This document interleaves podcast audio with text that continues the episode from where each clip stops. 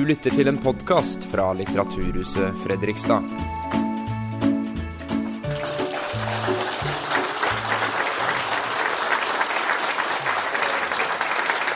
Hallo, hallo, og velkommen til Litt senior, en helt ny serie fra Litteraturhuset Fredrikstad. Veldig hyggelig å se så mye folk. Jeg heter Perry og er programansvarlig her. Så det her beviser jo at dagtidstilbud, det kan vi trygt fortsette med. Nå til østsida, eller den riktige sida av elva, som faren min alltid kalte det. Jeg har vært mye borte på østsida pga. han, selvfølgelig. Hadde jo en mor fra den ene sida og en far fra den riktige sida, da. Ekte Øssia-gutt var han. Eh, men spørsmålet er jo åssen starta det hele? Åssen kom han seg dit, og hvordan bosatte folk seg der? Og det er jo ingen bedre til å svare på det enn en Kråkerøy-gutt. Nemlig han Svein Skahjem, som er historiker og har skrevet boka 'Glimt fra Øssias historie', som han knapt har igjen et eget eksemplar av, for de er så populære at de har blitt revet vekk. Og det er veldig hyggelig, og det ser vi også på responsen her i dag. Så med det så gir vi en stor applaus til Svein Skahjem.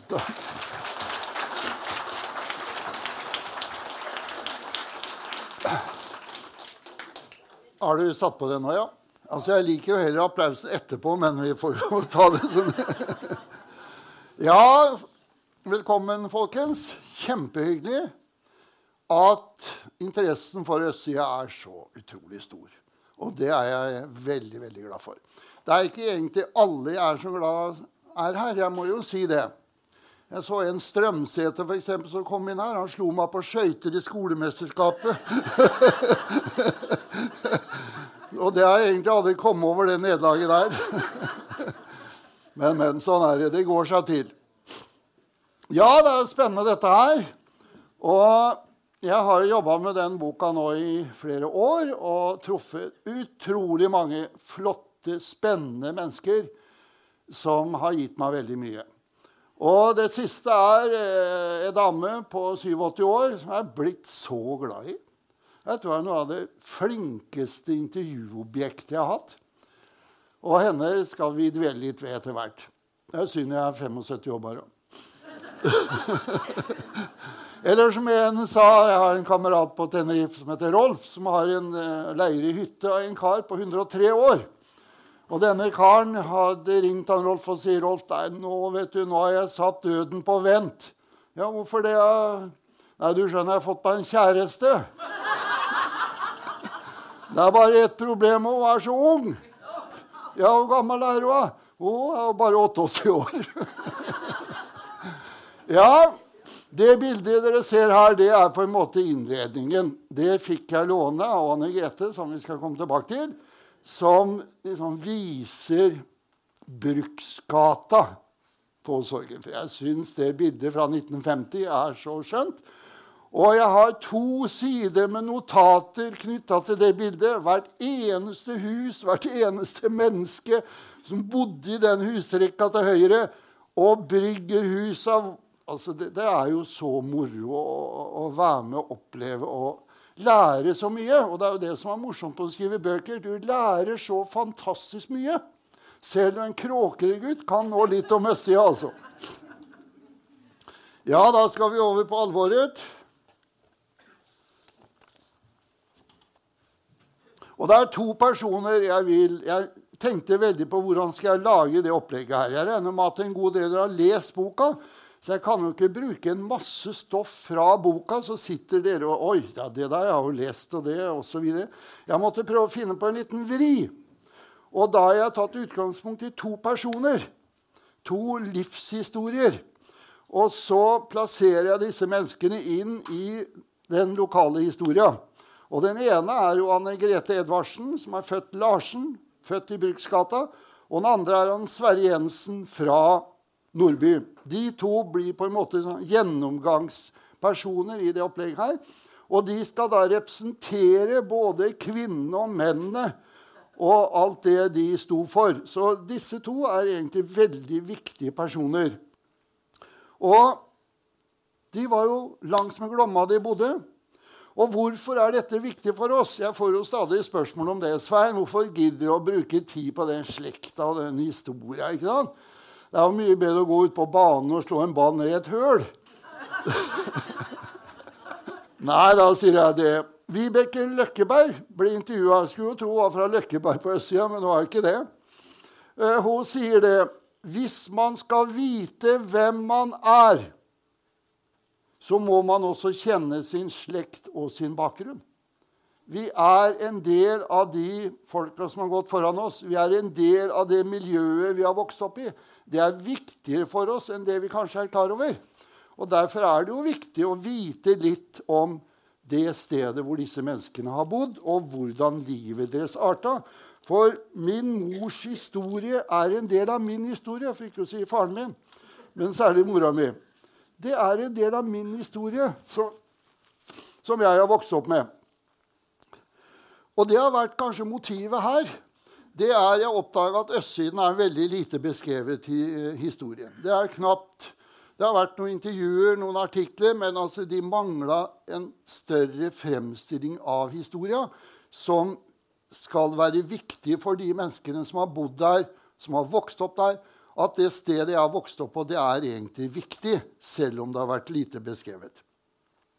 Aivo de Figueiredo, som skrev byhistoria vår, den siste, han sa vi mennesker dør to ganger. Vi dør første gangen når hjertet slutter å slå, og vi dør andre gangen når minnet om oss er borte. Da dør vi andre. Og det er vår oppgave å ta vare på de minnene. Og her har vi det området som vi skal bruke litt tid på. Det vi kaller for østsida. Og vi skal møte som sagt, disse to menneskene, og vi skal også ta en fordypning i det vi kaller byens marker, som er også forholdsvis ubeskrevet. Så nå kan dere bare finne ut hvor dere bor hen. Det er det jeg ser dere sitter og ser på nå. Hvor er barndomshjemmet mitt hen, tro? Hvor bor jeg? Så videre og. Og det starter jo da med kanten på Nabbetorp her nede. Så har vi Narnte teglverk, og så beveger vi oss oppover elva. Og som Peri sa, jeg må jo si det at når jeg drar med båt oppover elva sånn på ettermiddagen, ser ettermiddagssola ligger over østsiden fra Torpeberget og nedover altså Det er en idyll, og de har jo sola der og ikke på vestsiden. Tenk deg stakkaren som bor borte på Cicelion. Der går sola tidlig ned. ikke sant, Haldis? og da er det viktig som historiker å se at spora er der, minnene er der. Det er egentlig bare snakk om å se det. Og, se, og da ser vi også hvor bedrøvelig dårlig vi har tatt vare på den historia vår. Isteden skal nå museet bruke tusenvis av kroner på krigen.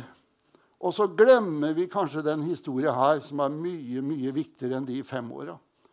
Det er bedrøvelig, egentlig. Sånn ser det ut, det som en gang var et teglverk på Narnte. Det bildet er ikke fra østsida, men jeg er så glad i det bildet. For det viser oss Her er de midt i en arbeidsprosess. Det har vært å gravd opp lera, fylt opp trillebåra med jernhjul. Tenk deg disse her. Det var jo en revolusjon da det ble gummihjul. Ja, og det har jo folk fortalt meg om da det kom. Det, det endra jo hele den arbeidsprosessen. De stopper opp. Det er en, altså en fotograf som har sett at det miljøet, det arbeidet de gjør, er viktig å ta vare på. Jeg er så svak. Det er fra Evje i Rollsøy. Men det gjelder jo akkurat det samme på østsida. Her er vi midt inne i arbeidet, og de har fylt opp. Ser Det er jo så mye lere oppi der at det er helt utrolig at det ikke ramler av. Hva husker vi?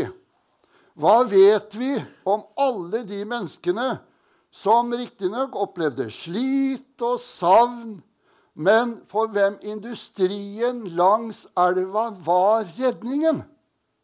Og så får vi noen bøker. Jeg skal ikke nevne en forfatter fra Sarpsborg. som har skrevet bok om hvor fælt det var å, få jobb på industrien på Borregaard. Og så glemmer vi hva kom de fra. Jo, de kom fra et slit på en husmannsplass i Indre Østfold, hvor du måtte opp og møte på gården klokka fire om morgenen, og du skulle jobbe til ni om kvelden for elendig lønn.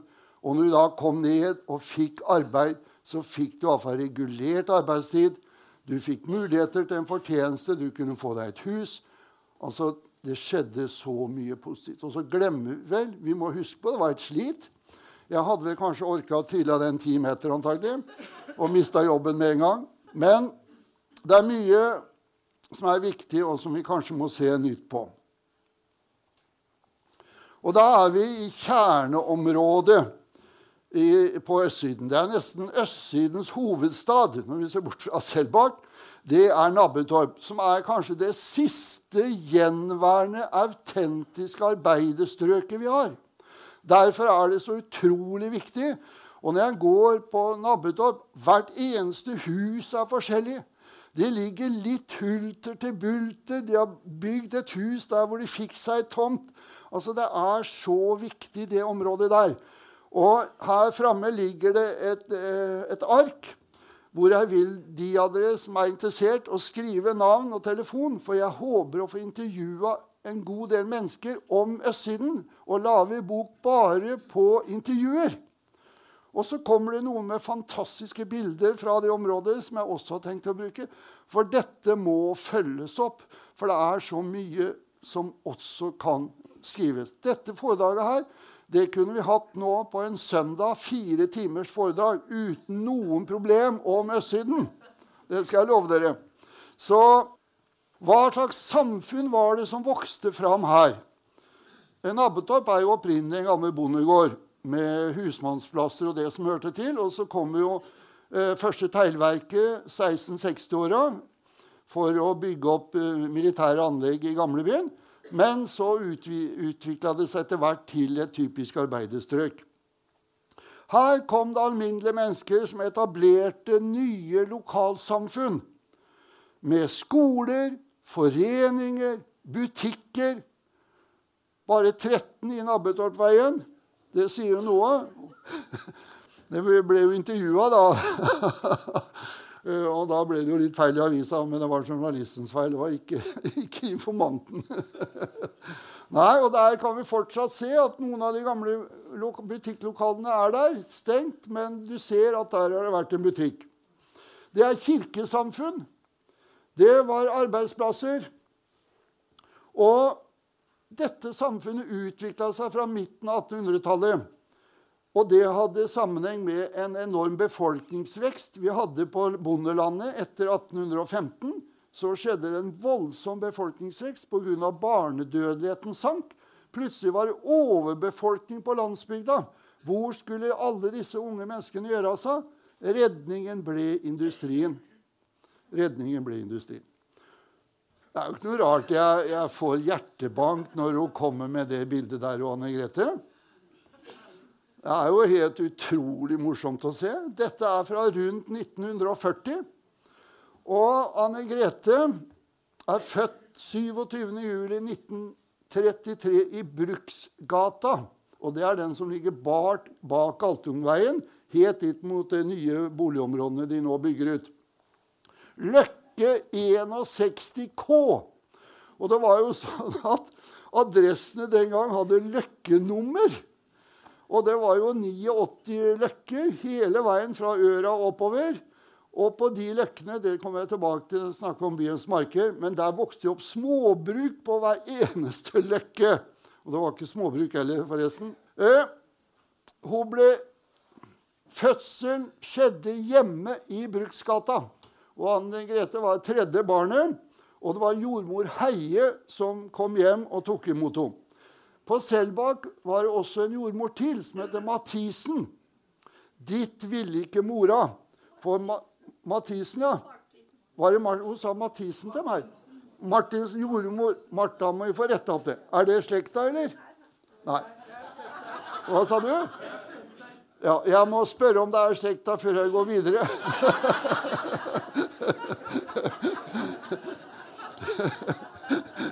Ja, det, der, det må jeg huske på når jeg nå kommer til å fortelle noe her. Og høre om det er noe dette kommer her.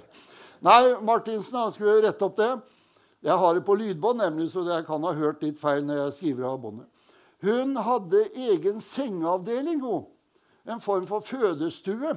Men dit våga ikke mora til Anne Grete gå fordi at jordmor Martinsen hadde så dårlig renommé. Det vil si, hun venta med å tilkalle lege til det omtrent var for sent. Og det ville jo ikke mora ta risken på, da. Så dermed fødte hun tre barn hjemme. Og det bildet, ja.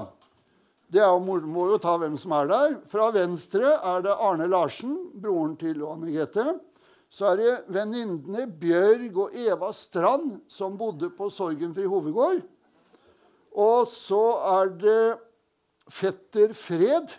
Det er neste gutten til høyre. Han mista faren sin veldig tidlig, så han oppfostra i Bruksgata hos bestemora si, som tok seg av. Det var helt vanlig. Døde en av foreldra, så ble det ofte besteforeldra som måtte ta seg av dem. Og det skjedde her. Og Roald, nabo Roald han stikker hodet fram. Bak deg, Og helt bak er det som heter Berit Haugdin, som ikke var av den Haugdin-slekta som drev med teglverk og litt av hvert.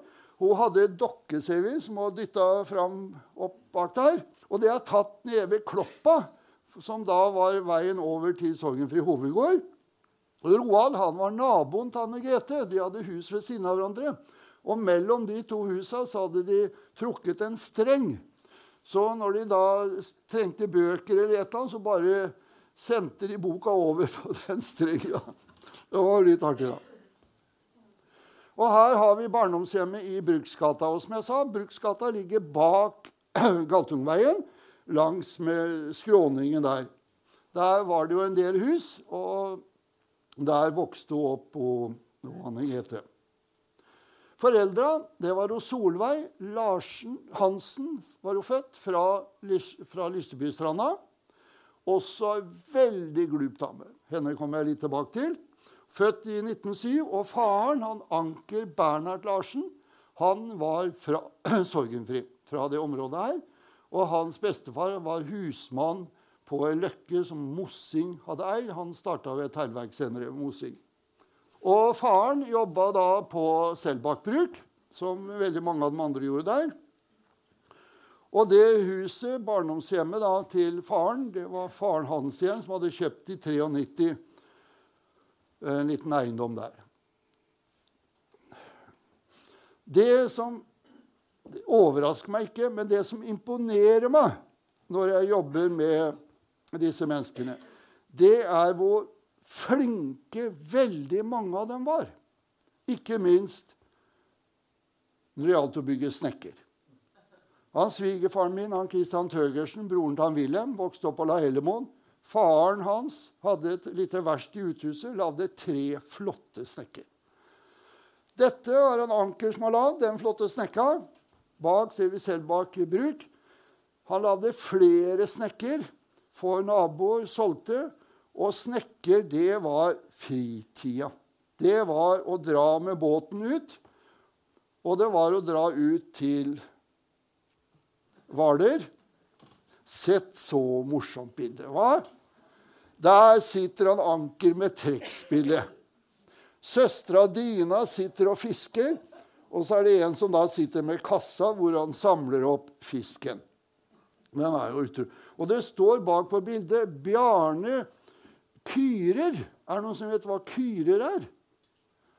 Nei, hun visste ikke hva han het heller. Det er et eller annet merkelig hva han driver med, han som sitter bak der. Men dette er altså det de brukte snekka til, pluss at de dro jo på turer utover uh, Hvalerskjærgården. og Utrolig viktig. Han Anker spilte ikke bare trekkspill, han spilte også fiolin. Og sammen med søskenbarnet som heter Guttorm, så spilte de til dans på Galtungbrygga. Og det var jo liksom lørdagskvelden, det. Å spille og særlig da trekkspill. Og det jeg ikke visste, det var at fra Galtungbrygga gikk det den gangen en ferje over til Lislebystranda. Det var ikke bare ferja fra Lisleby over til Selbakk og ferja fra Nabbetorp, fra Nabbetorp med verksted over til, til, til, eh, til Billett. Billet. Men det var altså egen ferje fra Galtungbrygga over til Lislebystranda. Det visste jeg ikke. Han, Anker, som jeg sa, spilte fiolin. Og så var det på 30-tallet en vekkelse på Nabbetorp Sorgenfri. Det var en Arne Dahl som kom og vekte folk opp fra døde, holdt jeg på å si. og han Anker ble vakt, kom inn i da en menighet og spilte der fiolin til koret. De sang, og han spilte fiolin. Han var så flink til å spille, sa dattera, at eh, han kunne han egentlig nådd veldig langt. Vanlig arbeider på, på sagbruket. Bygde, snekker, spilte. Altså, Det imponerer meg så veldig. Jeg tenker på den gamle bestefaren min som var lærer. som ja, Han kunne iallfall ikke spille og snekre, det er sikkert. Men han hadde utdannelse som eh, sløydlærer. Så var det en annen som het Anker. Og det som er litt morsomt med disse arbeiderstrøka Jeg vokste jo opp i nærheten av Glombo på Kråkerøy. Jeg kan jo kleggenavna til alle som bodde på Glombo. Og sånn var jo dette arbeiderstrøka. De hadde kleggenavn. Og en av dem, som heter Anker, ble kalt for Tørjen. Er det noen som har hørt det? Anker Tørjen, ja. Han spilte også. Men han spilte mer sånn offentlig. Men sønnen hans, hva han nå het, han spilte i en trio. Og den trioen het La Virma. Har du hørt det? Det står for Larsen, Wilhelmsen og Mauritzen. det var jo litt morsomt, da. ja, her er de altså fisker. Sånn så altså en guttunge ut sånn rundt første verdenskrig. Gått til fotografen, om det var på Selbakk. Det sto ikke noe bak på hvilken fotograf det var stramma seg opp i det peneste antrekket sitt. Det er utrolige bilder, det må jeg si.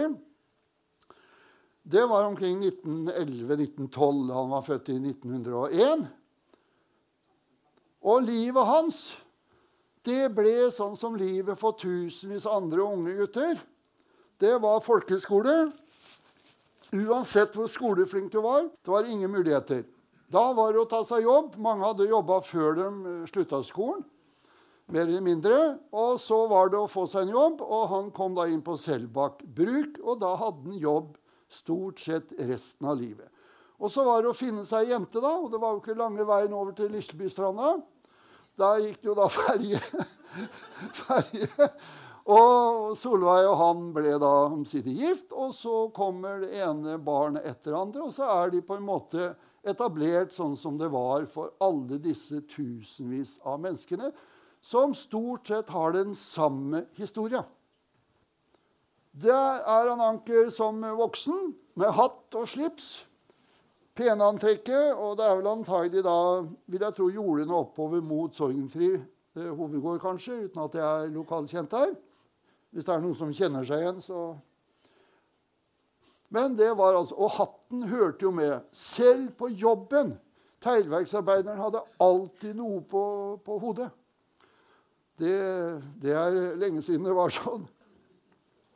Og arbeidsplassen var jo Selbakk Bruk, som var den store bedriften som ga arbeid til veldig mange. Men vi skal ikke glemme at det var faktisk kanskje bedre å jobbe på teglverket. Hvis du hadde jobb utenom sesongen. Altså Noen teglverksarbeidere jobba hele året. Men det var få. Det var Hvis de hadde lager av lere, så kunne brennerne brenne hele tida, og de kunne jobbe. Men de tjente så godt på akkorden på verket at de tjente kanskje mer enn de gjorde på et år på sagbruket. Så vi tror liksom at teglverksarbeidet det var eh, lavstatus, men det var ikke det sånn økonomisk. Det er klart det var et slit, men det var på sagbruket òg. Og stenindustrien i Fredrikstad den starta i 1870-åra ved at flere teglverkseiere gikk sammen om å utdanne folk til stenhoggere. Da sendte man en del til Skottland. Bl.a. Falk sto bak det, og Kjær. Og skulle lære opp stenhoggere. Så kom de tilbake, og da hadde de det som arbeid når teglverket sto. Etter hvert så ble jo stenindustrien en helårsgeskjeft, det òg. Men det starta som altså for å gi arbeiderne eh, arbeid når verket sto. Jeg kjenner igjen på Nabbetorp. Nei da. Det er broren, han Gundro. Han utvandra til Amerika i 1920-åra. Man regner med at 1920-åra var tøffere faktisk enn 1930-åra med å klare seg. Det var oppskrivning av krona, gjelda økte for folk. Het at det var veldig tøffe år, 1920-åra. Og da var det en del som dro til Amerika. Og det gjorde han Gundro. Han utvandra til Amerika rundt 1920. Eh, 21. Og det de da gjør, det er å sende bilder hjem til slekta på Sorgenfri for å vise hvordan de har fått det. Og det er klart, bilen var fantastisk. Det kunne man jo drømme om som arbeider på Selbakk bruk på 20-tallet, å kjøpe seg bil.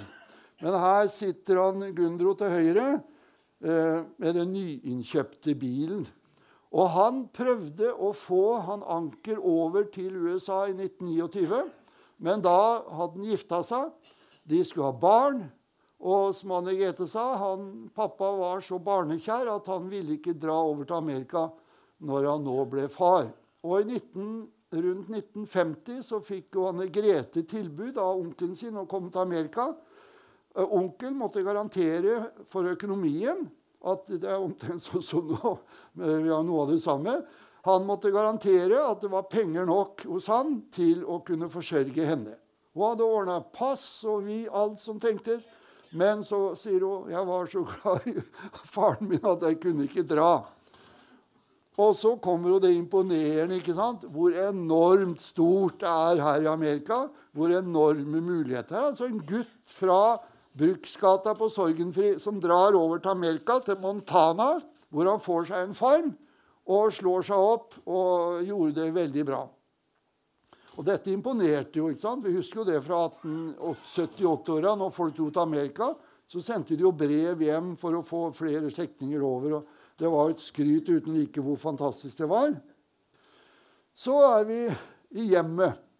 Dette er jo da etter krigen. Og det morsomme, det spennende, det er å se hvordan hadde folk det i stua si sånn på 1950-tallet. Og Der ser vi møblene, og det var gjerne lokale møblesnekkere som lagde møblene. Og lampene, hva, hva, hører med her? Og der sitter Solveig helt til høyre der på det bildet, sammen med slekt og, og venner. Og som jeg sa, Solveig var veldig skoleflink. Hun fikk friplass på middelskolen, men så hadde hun yngre søsken. Og da sier hun foreldra nei, du kan ikke begynne på skolen, du må ta deg av søstrene dine. Det ble ungdomstida hennes. Det ble å hjelpe til med småsøsken. Når det var gjort, konfirmert, da ble det å ta seg post. Og da fikk hun en post ut på Hvaler for å passe to barn fordi at foreldra var til sjøs. Man har altså dratt fra ungene sine. Så får vi jentunge til å ta Bølingsand på Hvaler. Og når den jobben var over, så ville hun aldri tilbake til Hvaler. Hun hata Hvaler. Og så var hun så trist da, at hun, Anne Grete og mannen han Tore fikk seg hytte på Skjærhalden. Så spør jeg ja, hvor ofte var mora di der. sier jeg. Hun var der én gang. Aldri mer Hvaler. Og det er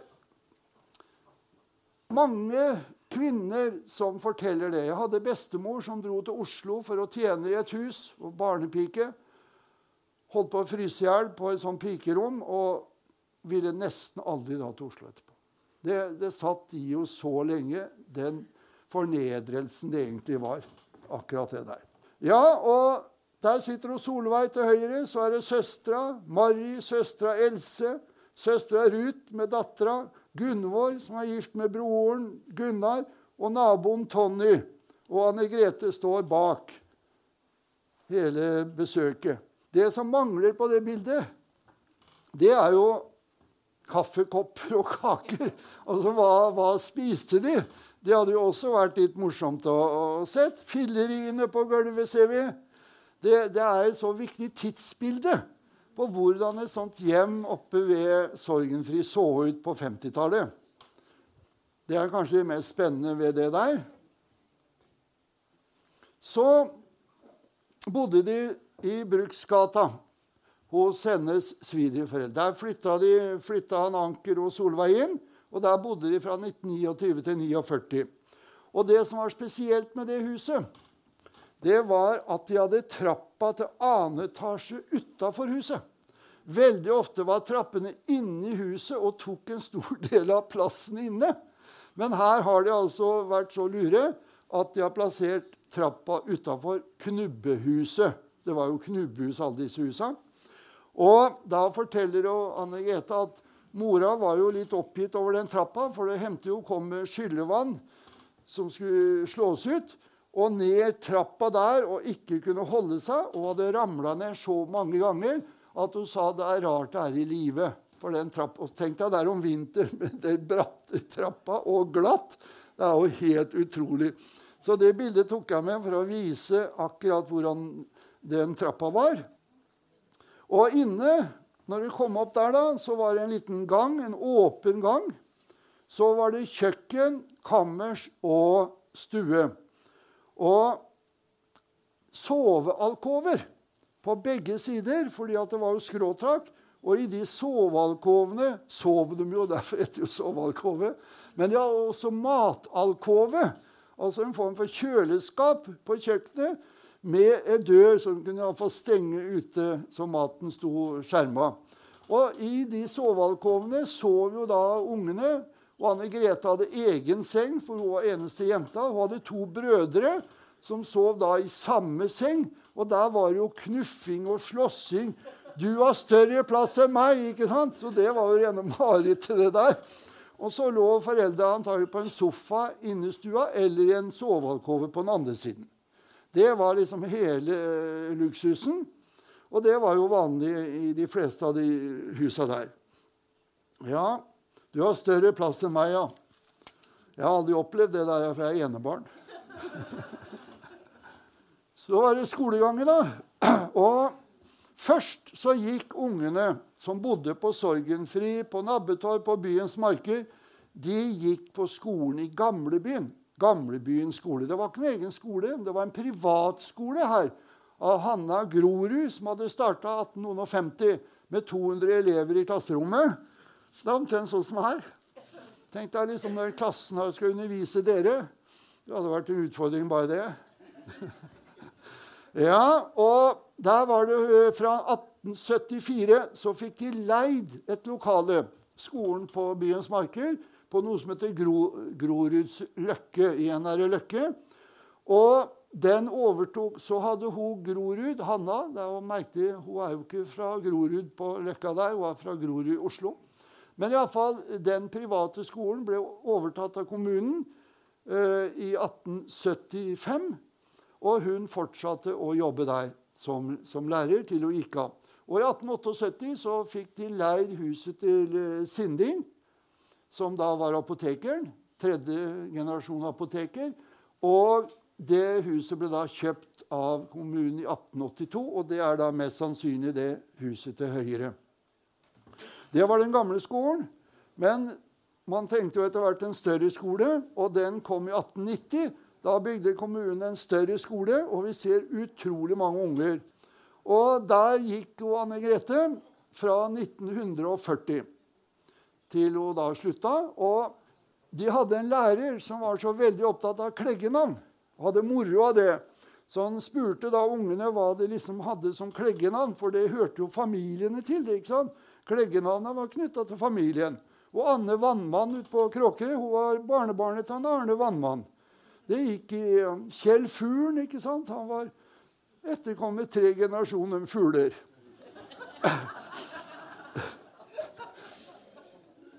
Men det som er så, så, viktig med bilder, det er at bildene skaper gjenkjennelse og historier som kommer opp når du ser bildene. ikke sant? Jeg regner med at dere som har gått på den skolen, plutselig så kommer det opp gode og dårlige minner fra skoletida. Og for min egen del er det stort sett dårlige, for jeg likte meg aldri på skolen. Jeg var så heldig å slutte én time før de andre i 7. klasse. Og jeg husker ennå jeg lukket igjen døra til klasserommet, for jeg skulle til tannlegen. så jeg slapp én time. Den gleden med å lukke igjen døra bak meg, den sitter dypt i meg fortsatt. Jeg glemmer deg ikke. Men den skolen da, fra 1890, som omsider da ble nedlagt i 72, der var jo de, de fleste gikk. Og så var det den læreren da, som var så opptatt av kleggenavn. Og så begynner han å spørre da hva de hadde som kleggenavn. Og så er det en gutt da som sitter her som er, ser litt blek ut, og han syns dette blir litt skummelt. Men så sier læreren, 'Du, hva er kleggenavnet ditt, da?' Faren heter Osvald, forresten. De kaller meg for Ostiball Bullfjerte. Ostiball Bullfjerte. Jeg skjønner godt han ikke hadde noe lyst til å si det. det skjønner jeg godt.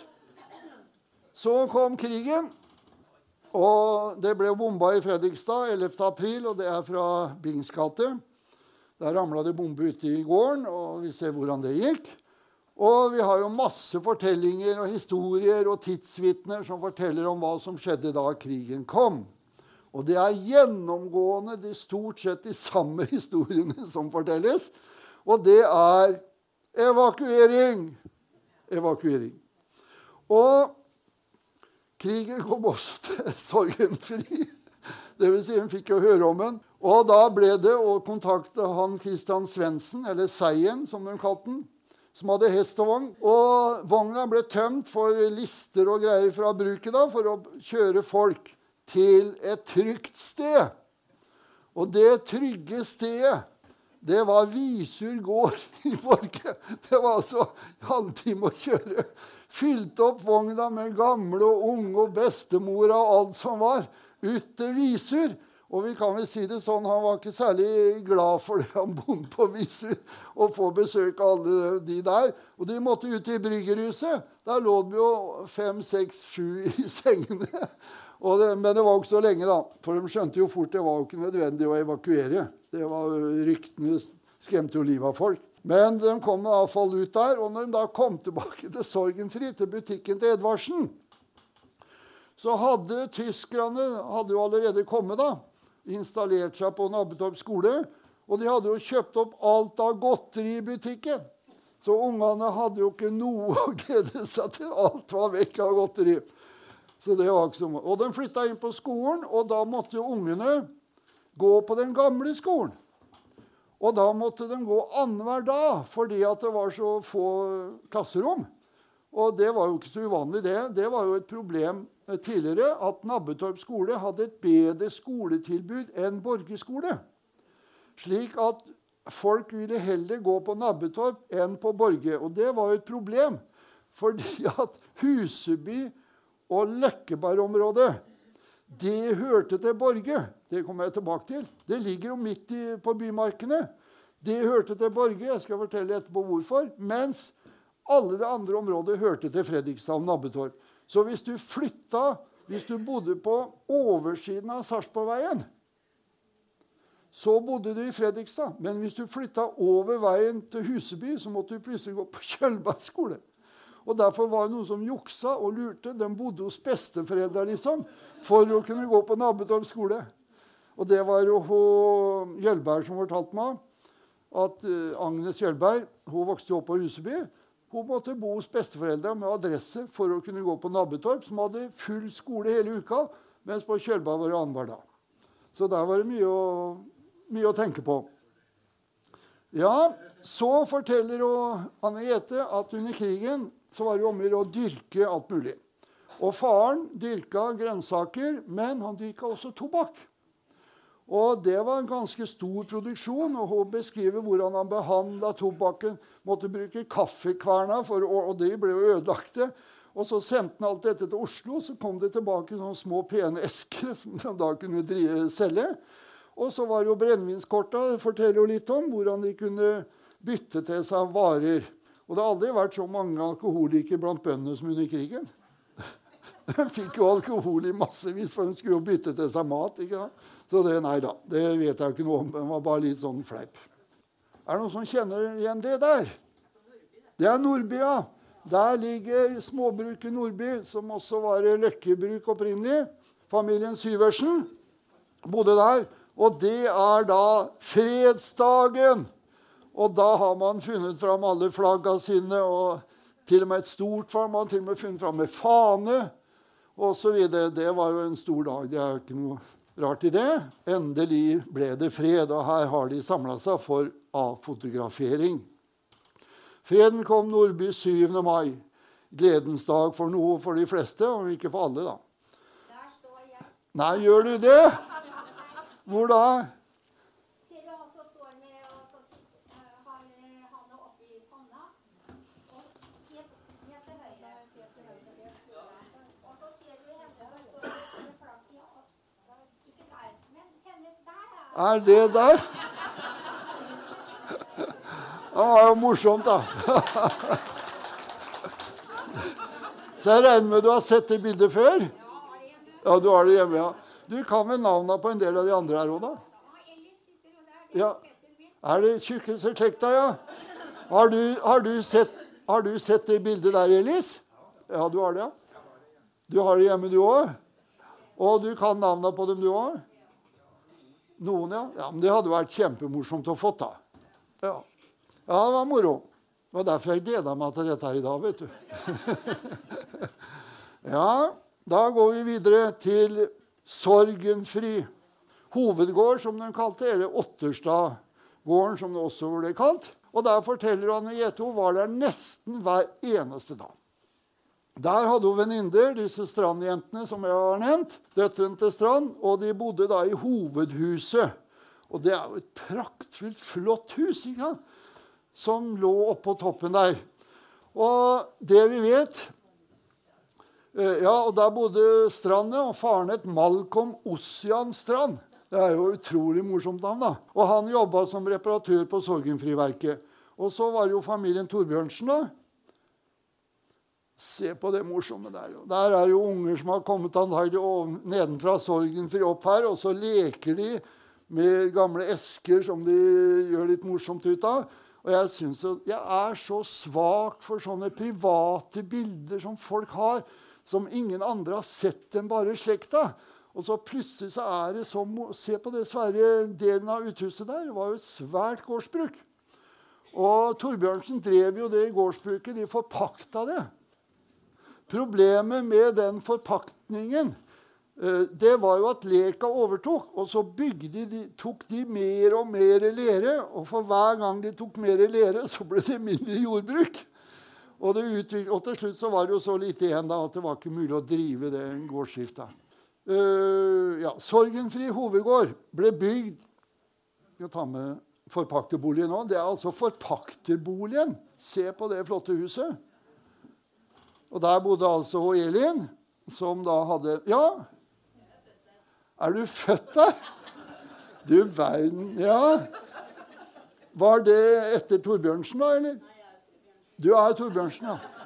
Jeg oppdaga noe når det gjelder Torbjørnsen-familien. Det er litt morsomt. Uansett hva jeg skrev om på østsida, så hadde det noe med Torbjørnsen-familien å gjøre. De var involvert i så utro... Østsiden trelast, ikke sant? Torbjørnsen-familien. Altså masse som den familien drev med. Utrolig morsomt. Utrolig. Så de var involvert i så mye, den familien. Så disse bildene har du kanskje, da? Ja. Du har kjøpt boka, da, regner jeg med? Ja, det er helt utrolig, som jeg sa, den interessen det har vært. Jeg trykte 1000 bøker, og nå har jeg 50 bøker igjen. Det har vært så utrolig. Og da kommer jo folk inn i bokhandelen i gamlebyen. Har de den boka om Nabbetorp, eller? Nei, det er jo ikke noen egen bok om Nabbetorp, sier han Lars. Det er jo bok om Øst... Å ja, den boka om Østsida, ja, den skal jeg ha. Det er moro.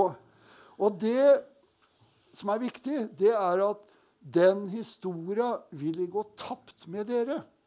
Hvis ikke det har blitt skrevet ned og tatt vare på. Og så kommer jeg altså langt inn i indre Østfold. Jeg har jo kjørt i timevis oppover her. Plutselig er det ei dame som har så utrolig mye stoff. Jeg erta han Olav litt her, da. Han bor oppe på Askim. nemlig. Men liksom plutselig sitter en dame der med album på album og historier på historier. Og, og, og så ser du at dette er jo så viktig. Det er jo så viktig å ta vare på og formidle. og ja, det er, det er moro for dere, da. Det er jo kjempemoro. Ja, 1840 det var Mossing som kom da og bygde dette her. Han var tegleverksarbeider, og i 1886 så overdro han Sorgenfri hovedgård. Og det var jo et navn som var på moten den gangen. Huset til Kjær på Kråkerøy, Ekheim. Før Kjær overtok, så var det Sorgenfri. Det kom jo fra Prøysen og Fredrik den store. og liksom Det var et sånt Sanssouci, som var et sånt motenavn på den tida. Det var jo drømmen om å liksom ikke ha noen bekymringer, da, når man uh, kalte det det. Det ble overtatt av Otterstad, og da ble det jo gjerne brukt det ordet på det òg. Otterstadgården. Og så ble det da som sagt for, forpakta bort. da. Noe annet som var veldig viktig, det var søndagsskolene. Alle unger gikk på søndagsskolen. Og vet du hvorfor de gikk på søndagsskolen? Hva sa du? Ja, ja, altså jeg vil tro det var heller faren som fikk en stjerne. Det var eneste gangen i uka foreldre hadde sjanse til å være alene. Og hans svigerfar, Så spurte jeg han svigerfar om søndagsskolen. Han bodde på La Hellemoen. Gikk dere på søndagsskolen? sa jeg. Det var ikke noe kristent hjem der. Ja, og alle sammen Det var ti unger. Alle. Og så En gang så snudde jeg meg sånn, så så jeg han, pappa sto og så bak gardina om vi gikk inn alle sammen. Han var jo livredd for en av dem skulle angre, vet du. Da hadde den, da hadde den eh, dagen gått. Men gikk, og Anne Jete gikk på to søndagsskoler. Og hvorfor det, det fikk jeg ikke spurt om. Det var Ebenezer, og det var Petri. Det var liksom, Og alle som sagt gikk eh, dit. Og tre søstre Hauglin de drev en klubb for jenter. Den het Finnmarkens venn. Der plukka ut skikkelig Det var ikke noe sånn, Der skulle du ha moral og oppføre deg ordentlig hvis du skulle være med i den klubben der. Der broderte dem og strikka, og alt dette her ble utlånt basar på Ebenezer. Inntekten gikk til Finnmarkens venn. De ble da sendt nordover. Men de var veldig strenge, de Haugdin-jentene, så du måtte oppføre deg ordentlig. Er det noen Haugdin her? Nei, da kan jeg ta den historien. Nei, det var jo sånn I et sånt lite lokalsamfunn så passa jo folk veldig nøye på hverandre. Det var jo ikke som TV du kunne slå på. altså Det av spenning og nyheter, det var jo det folk gjorde. ikke sant? Det husker Vi hadde noen sånne slervekjerringer ute på Glombo. Mor, hvis hun verste slervekjerringa satt foran i bussen og jeg gikk, og, gikk, inn, så hadde mora mi sagt Svein, du må bukke og hilse ordentlig på fru Malmstrøm. Ellers ville hun bakstanke meg i timevis. Slervikkjerringene. Og slervikkeller òg. Vi hadde det òg. Som gikk fra hus til hus og fortalte nyheter. Og det var om å gi dem god mat og kaffe og greier, som sa litt pent. Men iallfall, Haugdin var jo skikkelige folk. Det var virkelig, han Otto Haugdin som kom hit, var en fantastisk dyktig kar. Men det var en av broren da, som var ugift. Ungkar lenge. Plutselig så kom han i ulykka. Det var liksom ikke bra, vet du. Da gikk jo de søstrene rundt og sa du må ikke fortelle det til noen. Du må ikke fortelle det til noen. For det måtte jo ikke bli spredd. Han gifta seg, da, så det gikk jo greit etter hvert. da. Men det var liksom en liten nedtur. da. Men sånn var det jo. Eller ute på Glombo så var det en ungkar som hadde husholderske, og naboene var veldig opptatt av det. Og så kontakta de presten og sa sjøl, nå må du sjekke han, eh, han Hansen åssen det er med, liksom det med moralen der. da. Jo, kom presten på besøk og hilste på han og gjerne se soverommet. Og det var et svært rom.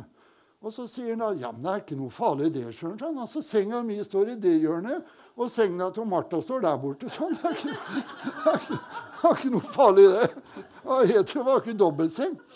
Det, det var basaren, ja. Så fikk de en prest på Petrikirka. Er det noen som er med i Petrikirken her? Det er metodister. ja. Det, og det var ikke noe problem, sa han. At det var metodister, ikke noe problem. De var så rause. Men så fikk de en prest som ble så populær blant damene. Så alle damene satte i gang å brodere puter.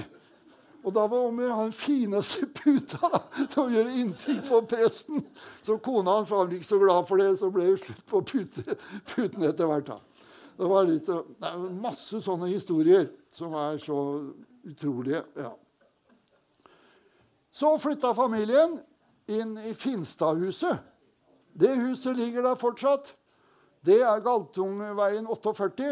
Og I dag er det gjort en del forandringer der. Gjerdet er borte, og det er en svær hekk der osv. Så, videre. så jeg var her ute om dagen og hilste på han som bor der, og fikk være med rundt og se på rommet og litt av hvert. da. Og alle hadde jo bryggerhus på baksiden, og det var veldig viktig. Der hadde de mulighet for vasking. Sånn, svær sånn de var, kokte vann i og vaske i. Og, og så hadde de ofte spring òg. Inne de hadde spring i det bryggerhuset der. Det var sånn disse sarpestuene var. Og bare hold meg til dette så ikke jeg foregriper begivenhetene. Det huset var en slektning av Anne Grete som hadde hatt, en Finstad, som de da fikk overtatt i 1949. Og det var framgang, for de hadde bodd i annen etasje hos svigerforeldra. Og her fikk de altså et eget hus med et lite rom på toppen hvor eh, da Anne Grete bodde. Og Der var det et, et, vindu der. Og så forteller hun da og han Tore drev og fridde til henne. Så klarte han da å få ordna seg en stige, så han klatra inn der og inn vinduet uten at foreldra visste noe, for de var jo da under. Så der starta det. Der starta det. Men disse sarpestuene er jo litt eh, spesielle, da. Det har jo bakgrunn i da de etablerte Galtungsaga. Så var det sånn at de nye sagbruka de trengte fagfolk. Og de fagfolka fikk de fra vannsagene ved Soli og Sarpefossen. Så de måtte altså friste de flinke fagfolka til å komme ned og få ta seg ledende stillinger her nede. Og da måtte de friste med bolig. Og da ble det bygd åtte boliger etter hverandre, som da fikk navnet Sarpestuene, fordi at de fleste kom fra plassene Sarp, som lå under Hafslund, på Hafslundsiden av eh, Glomma. Og da ble det jo Sarpestuene. Det var åtte stuer. Det ble fordelt etter loddtrekning. Uh, opprinnelig så var det to familier som måtte dele, så de måtte jo fordele det osv. Og, og de kunne bestemme hvem de ville bo sammen med. De betalte leie før de etter hvert kunne få kjøpt disse stuene. Det som er problemet her, det bildet har jeg ikke med, det er at hele det området ligger så lavt i forhold til Glomma. Så en gang iblant så er det flom, og vannet går jo helt inn til disse stuene, som da er knubbehus med lere. Og det er klart, det er utrolig uh, usunt. Så beliggenheten er veldig lav. Og Narnte teglverk hadde alltid et problem med vannet.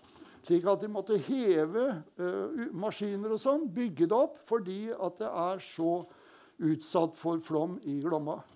Så hvis Arkanova Arcanova skal bygge der i Narnteskauen, så vil jeg anbefale at du ikke gjør det, for der vil de alltid få problemer med innsig av vann. Og om noen år nå, nede ved, eh, ved Kølatomta der, om noen år nå, når elva stiger, havet stiger Der det nå er garasje i kjelleren, der vil de ha verdens flotteste svømmebasseng. Ja. Så skal vi raskt på. Tida går. Jeg ja, nå må jeg ta en kortversjon, tror jeg. Der har vi hos meg det Finstadhuset. Og grunnen til at jeg tar det, er bare for å vise hvor fan Alette het hun. Fantastisk flotte de var, altså med, med klær og med hårfasong. og Det er helt utrolig. Og der tar vi avskjed med Solveig og barnebarnet. Og så er vi tilbake på Sorgenfri, holdt jeg på å si, på byens marker. Og hovedspørsmålet er Hvorfor ble Nå er det ikke bare Fredrikstad som har byens marker. Oslo hadde bymarker. Skillebekk, den bekken som renner ned mot Frognerkilen, den, den, heter jo Skillebekk. Den er skillet mellom den gamle byen og bymarkene til Oslo. Eh, bymarka i, i, Trondheim har dere hørt om. Så det at de som bor i byen, har marker, det er ikke noe spesielt for Fredrikstad. Det var en nødvendighet for eh, de som skulle bo i byen. Eh, jordbruk og dyrehold var altså viktige for de som bodde i byen. En tredjedel av byborgerne i gamlebyen Fredrikstad var knytta direkte til jordbruk. Og de andre hadde også eh, jorder. Det var redning i dårlige tider. Så hadde man altså muligheten til dyrking. Og disse tomtene de ble jo da eh, opprinnelig leid ut. Og det starta da med Det er altså muligheten for bymarkene som er hovedgrunn til at byen ble lagt der. Det er én av tre hovedgrunner. Kanskje den viktigste. Isteden burde jo byen ha vært lagt på Gressvik, eksempel, med havnemuligheter. Men der hadde ikke muligheten for marker. Så bymarkene er en forutsetning for lokaliseringen av Fredrikstad. Det andre var de enorme sildefiskeriene som var på Hvaler på 1560-70-åra. Enorme mengder med sild. Nå kom man altså mye nærmere den rikdommen. Og det tredje det var nærhet til havet pga. sjømilitære muligheter. Altså det, det, rent militære. Ikke med landforsvar, men sjøforsvaret. De kunne anlegge altså en base her, på Isigan f.eks., som de hadde hatt tidligere. Så til sammen så var liksom disse tre mulighetene gjorde at byen kom dit. Og disse gårdene, Bruberg, Sigerstad, Sundby osv., Løkkeberg, de var eid av adelen i området. Adelen på Nes og Torsjø og andre de eide disse gårdene mer eller mindre. Det var Bold-slekta på Sigerstad, Rømer-slekten osv. Og når da kongen bestemte at den byen skulle ligge der, så måtte staten kjøpe opp de områdene. Først den grunnen til selve byen. Det var jo Bruberg. Men også til løkkene. Alt dette måtte da staten kjøpe opp og gjennomføre et makeskifte med eierne. Slik at adelen fikk jorder andre steder, og ofte som lå nærmere godset enn disse her. Så det var en fordel. Men det var rettssaker lang tid eh, der hvor man ikke ble enige. Så dette ble, og så ble disse jordene da lagt ut til borgerne i byen mot en leie i en periode. Og da starta det det vi kaller da Det var syv bondegårder, står det. Og det som var så flott, det var at den jorda som ble lagt ut her, den var jo drevet. Her var det leilendinger som hadde drevet den jorda. De måtte jo forsvinne. De mista jo muligheten, for de leide jo gården av adelen. De forsvant. Men det var den beste dyrkingsjorda man hadde, som var ferdig dyrka opp. Slik at når byborgerne kom her, skulle de bare overta ferdige jorder. Som var bare til å, så og gjøre det de skulle. Det var beitemark. Da var det sånn at den jorda som lå nærmest byen, den ble dyrka opp. Den jorda som lå lenger ute, det ble beitemark for dyra. Og det ble da kalt for bymarkene. Og sånn kunne det da se ut. Her har vi byen med alle disse jordstykkene utover. Og alle disse jordstykkene hadde et nummer. Et løkkenummer. Og han Karl Otta Fjell, som er med og skriver Borge Thorsnes, han har registrert alle løkkene, alle eierne gjennom tidene. Og jeg puffer på han og sier nå må du få skrevet bok om det. Det er veldig viktig. Hver eneste gård her ute. Og Det er et moderne kart fra 1950, og da ser vi Huseby. Der står Løkkeberg, gjør det? Det er jeg som ser litt dårlig. Men vi skal ha hvor det ligger en den uh, Sorgenfri hovedgård. Den. Der ligger Sorgenfri hovedgård. Her har vi Nabbetorp, som ligger akkurat på oversiden av Nabbetorp, opp mot Sarpsborgveien, ser vi. Her har vi alle løkkene.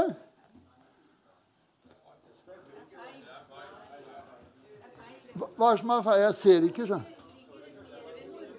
Så. Hva sa du? Der står Løkkeberg der. Da ligger den lenger oppe. Skal vi se Det var veldig rart ikke han har tegna inn her, ja.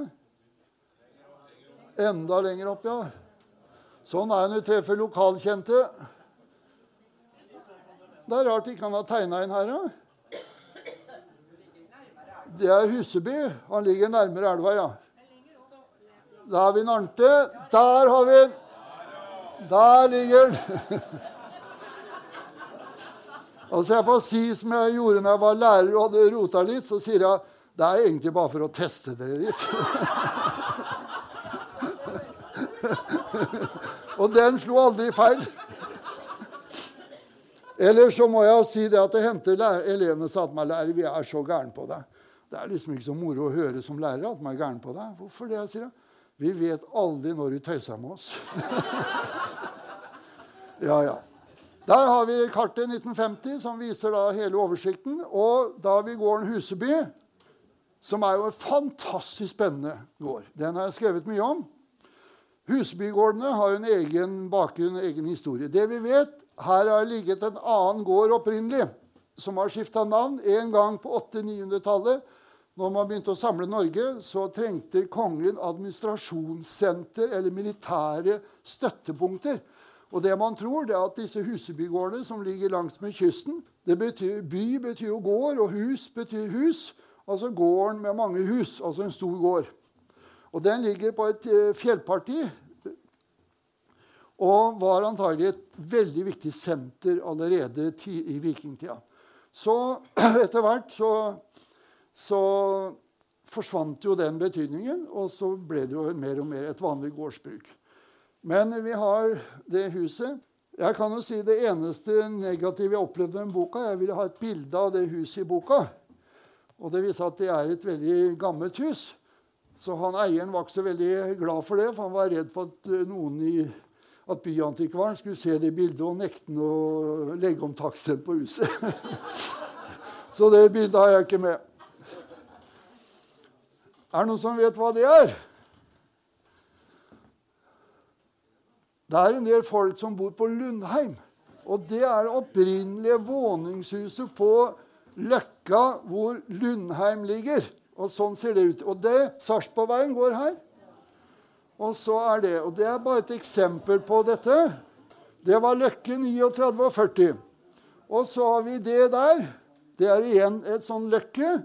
Veldig spennende. Det fikk jeg tilsendt av en kar. Det er gamle Fjelstad gård, som lå på andre siden av Sarpsborgveien, som er Løkke 39 og 40. Nei, 37 Løkke. Og tidligere så lå det et hus der som hadde vært 200 år gammelt. Og da skal vi ta en uh, rask titt innom han uh, Sverre. Sverre Jensen. Og han var vi så heldige å få intervjua i 1979. I forbindelse med teglverksspillet som vi skulle få oppført da.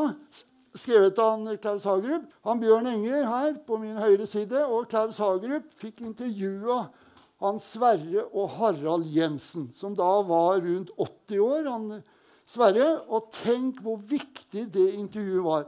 For det ga grunnlaget for hele Tellverksspillet. Det var det han Sverre Jensen og broren fortalte. Utro, og Der ser du hvor viktig intervjuer er for å ta vare på historia. Og jeg har da de intervjua på bånd, og han Ellis har fått dem.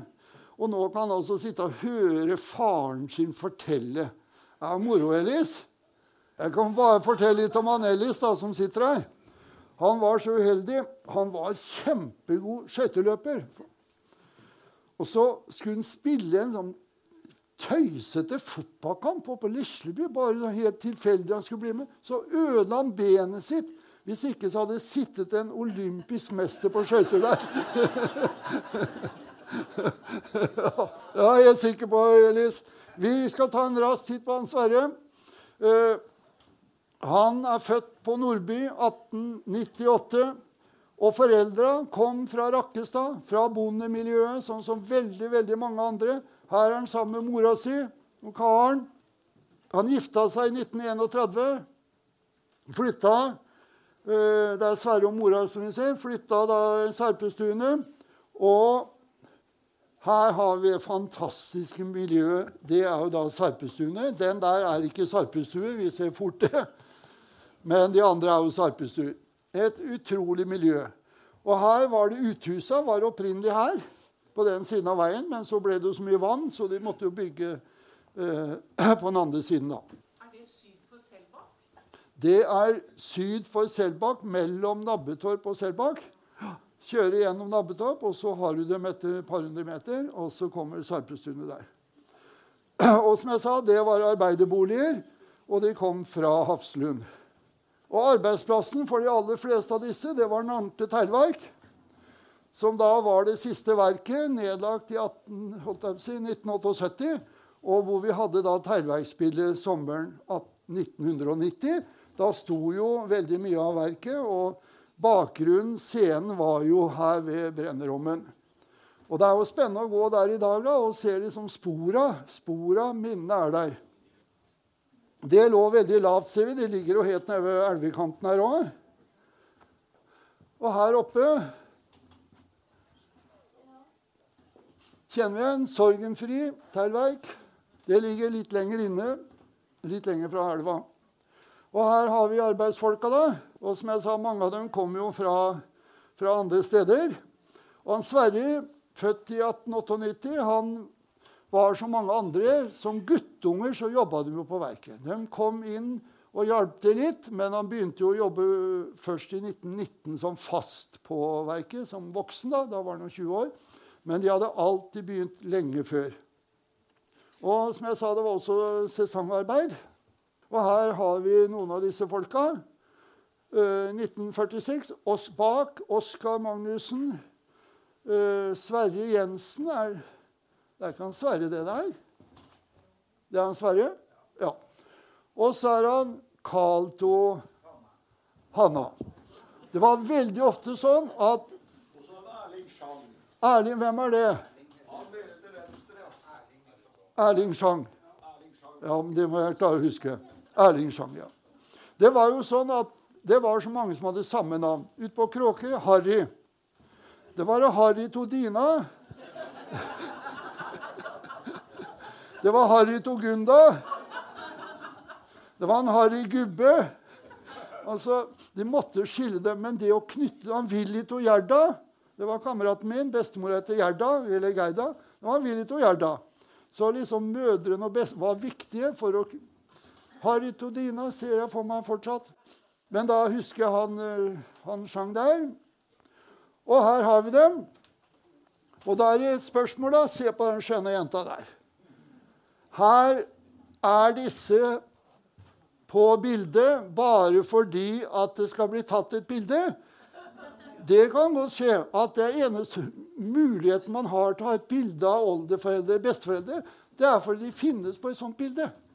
Eller er det sånn at noen av disse guttene har vært på verket da og vært hjulpet til, og så blir de med på bildet? Se på disse her med luer og hatter og, og mange. Og noen har jo da eh, penskjorter som da har blitt eh, degradert til arbeidstøy. Men ellers er, og da kan vi ofte se på disse her at mange av dem er svensker. For de har med seg en typisk sånn busserull som veldig ofte var fra Sverige. Og Hvis vi går inn og undersøker bakgrunnen til disse her, så vil vi finne ut hvor de kommer fra. Det er en som har hatt på seg flott belte. Ser du? Se på det flotte der. De kommer fra Indre Østfold, og de kommer fra Sverige. Og de kommer fra bondemiljøer. Stort sett alle sammen. Da er vi straks ferdig, dere. Og dette er 1989.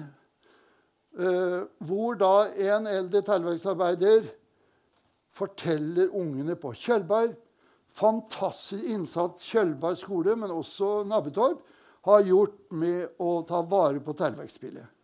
Helt fantastisk, den jobben dere har gjort der. Det må jeg si. Så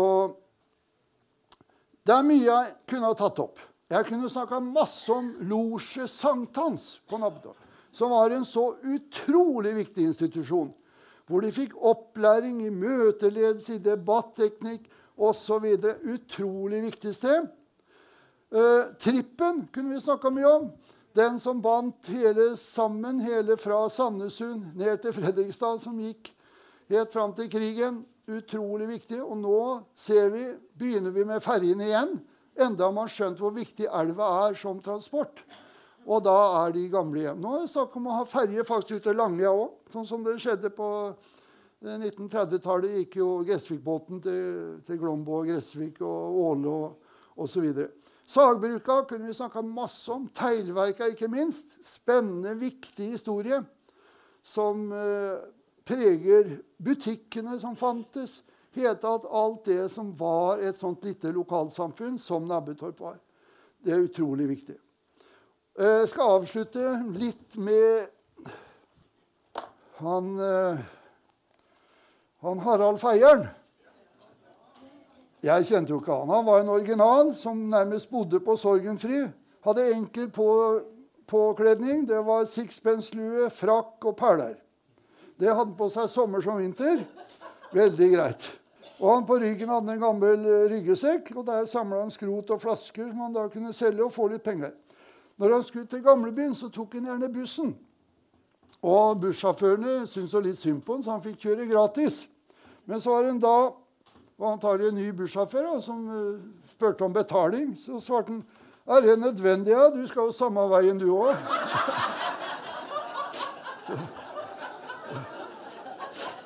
Ja. Han hadde ikke for vane for å tigge, han eh, Harald, men spurte bare pent om 50 øre til en topp taffe.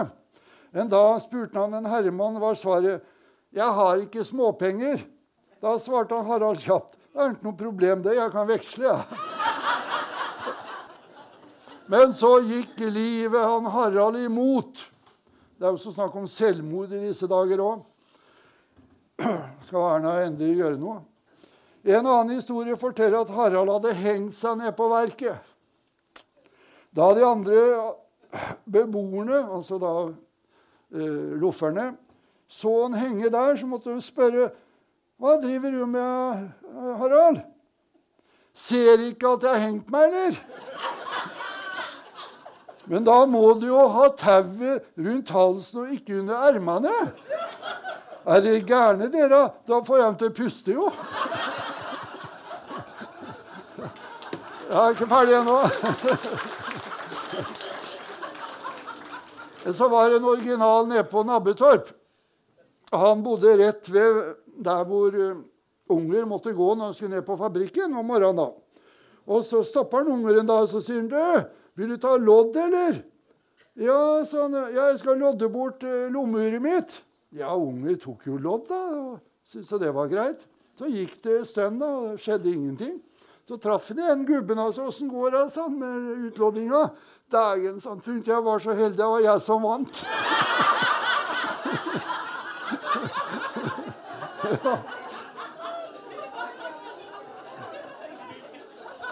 Jeg har prøvd meg på den der, men det går ikke. Skal vi se, det var Mista jeg den siste lappen nå? Ja, jeg hadde tenkt å sitere fra Tauverksbildet. Men se om jeg husker den, da. Hør sangen om Martin Mathisen. Nå er hans liv forbi. Han fikk sin tid på jorden til han til slutt fikk fri. Livet har lange dager, livet har korte år. Det blir ingen dype fotspor der folk som han Martin går. Mennesket blir borte, Martin Mathisen. Hva er vi verdt? Er prisen på livet vårt det som vi tjener? Og det får være sluttanken. Vi må ikke vurdere hverandre ut hva vi tjener. Klaus Hagerup klarte med skuespillet å vise at vanlige, alminnelige arbeidsfolk kunne leve rike liv. Og det må vi aldri glemme. Om du bor i en liten leilighet med en kammers og kjøkken og stue, så kan du likevel leve et rikt liv. Du kan bygge deg snekke, du kan spille trekkspill, du kan spille fiolin. Du kan være med å gjøre deg gjeldende i samfunnet, og det må vi aldri glemme. Så hvis det er noen av dere som har lyst til at jeg skal komme og intervjue dere, så har jeg et lapp her hvor dere kan skrive navn, for jeg håper å gjøre mer ut av Nabbetorp. Og når jeg har hørt alle de innspillene som har kommet her nå, så er det uendelig mye vi kan få samla inn. Takk for følget, og takk for i dag.